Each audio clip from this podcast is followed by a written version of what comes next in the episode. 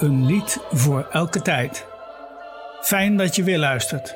Mijn naam is Herman Schimmel. In Rome, zo omstreeks het jaar 200, leefde een meisje in een adellijke familie. Haar naam was Cecilia. Cecilia was een vroom meisje, wilde haar leven wijden aan God en legde daarom de gelofte af dat ze maagd wilde blijven. Ze vulde haar dagen met bidden en vasten, maar tegen haar wil werd ze uitgehuwelijkt door haar vader aan de heidense Valerianus. Op de dag van haar huwelijk was er een groot feest. Tijdens dat feest, zo gaat de legende, bidt Cecilia dat ze haar maagdelijkheid mag behouden. In oude geschriften volgt dan een passage waarin staat dat Cecilia te midden van het feestgedruis van haar huwelijk cantibus organis, terwijl de instrumenten zongen, zong in haar hart tot God alleen. Maar in de legende is dat geworden tot de zin dat zij tot God bad terwijl ze het orgel liet zingen. En dat is de reden dat de heilige Cecilia, onze patroonheilige van de muziek, heel vaak afgebeeld wordt met een orgeltje. Haar naamdag is 22 november en dat is morgen. Op die dag wordt ze vaak geëerd met, hoe kan het anders, een ode of een hymne. Een ode aan Sint Cecilia, deze keer van de Engelse componist Herbert Howells. Luister naar de hymne tot Sint Cecilia van Herbert Howells, uitgevoerd door het Sint Clemens Koor uit Philadelphia.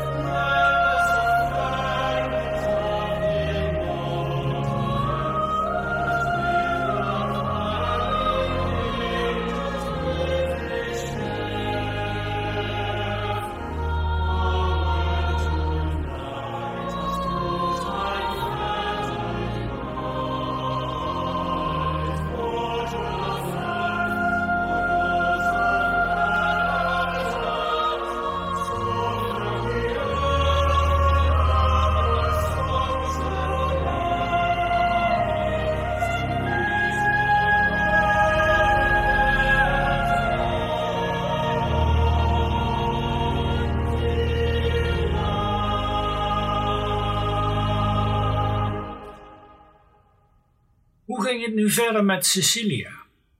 Nou, ze vertelde haar echtgenoot Valerianus dat ze een beschermengel had. Valerianus kwam daardoor tot inzicht en bekeerde zich.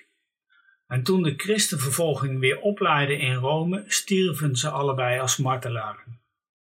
Cecilia werd zo de beschermheilige van de muziek en van de muziekgezelschappen. Ik mocht zelf in 2005, ter gelegenheid van het feit dat ik 30 jaar dirigent was, de ode van Sint Cecilia dirigeren van Handel. Dat was een hele opgave om met een projectkoor in één dag te doen. Ik denk er nog met heel veel genoegen aan terug.